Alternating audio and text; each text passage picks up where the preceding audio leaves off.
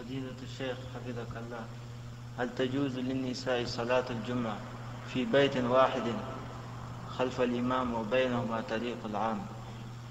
نعم.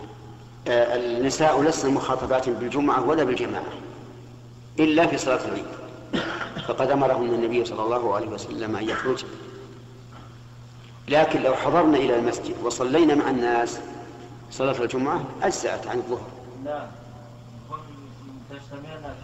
أما إذا اجتمعنا في بيت وأقمنا الجمعة فلا تصح صلاتهم.